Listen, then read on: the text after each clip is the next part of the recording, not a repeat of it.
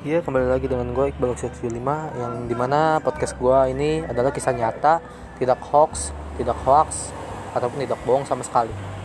Buat kalian yang telah membantu menemukan atau telah mendengar podcast ini, terima kasih banyak telah meluangkan waktu anda. Sekian, terima kasih.